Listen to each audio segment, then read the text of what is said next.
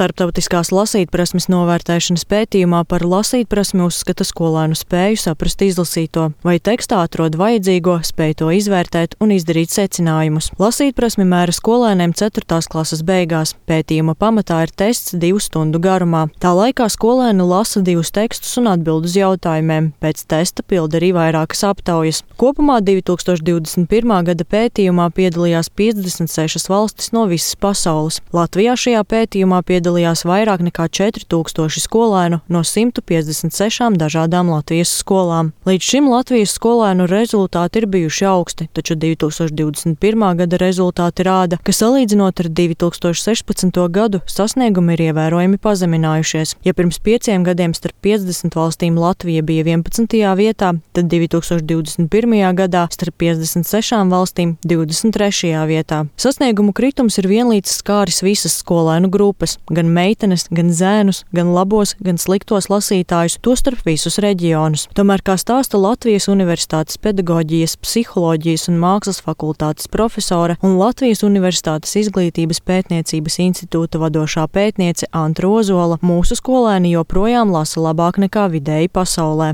Un, ja mēs tagad salīdzinām 21. gada rezultātus ar 16. gadu, tad mēs redzam sasniegumu kritumu. Pirms tam mums bija sasnieguma pieaugums, mēs bijām tīri priecīgi. Tagad uh, viss šie globāli globāli izaicinājumi, gan pandēmija, gan jaunu satura ieviešana, viss tas vienlaicīgi attālinātās mācības. Tas viss ir skāris mūsu sākumskolas skolēnu mācību sasniegumus, un tie ir tagad zemāki nekā bija. Tomēr joprojām ir arī labās ziņas. Šeit vidējie sasniegumi Latvijā joprojām ir augstāki par starptautisko vidējo, tā kā kopumā jau mēs izskatāmies pietiekami labi. Tāpat pētījuma dati liecina, ka Latvijā meitenes ir labākas lasītājas nekā zēni. Tostarp īpaši kritiska lasīšanas sasniegumi ir zēniem laukos, jo tie ir zemāki par starptautiski vidējo. Kā uzsver valsts izglītības satura centra direktore Liena Voroņenko, pētījuma rezultāti ir svarīgs signāls sabiedrībai. Pirmkārt, mums ir jāatrod instrumenti, kā palīdzēt tiem bērniem, kuriem nav pietiekami lasīt prasme, kuri šobrīd ir skolā. Bet otrs signāls, kas manuprāt ir vēl būtiskāks, ir, ka mums kā sabiedrībai ir jāatrod jauni instrumenti, kādā veidā mēs mazinām segregāciju šobrīd. Ka mūsu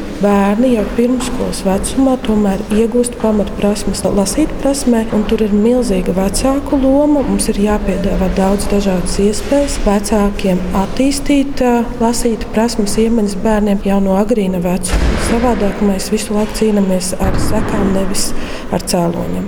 Arī izglītības un zinātnes ministra Anna Čakša no jaunās vienotības norāda, ka lasīt prasme ir pamats pilnīgi visām zināšanām. Līdz ar to pētījuma rezultāti nav trauksmes zvans. Tas ir pēdējais zvans, lai runātu par skaidrām pārmaiņām izglītības sistēmā. Agnija Lazdiņa, Latvijas radio.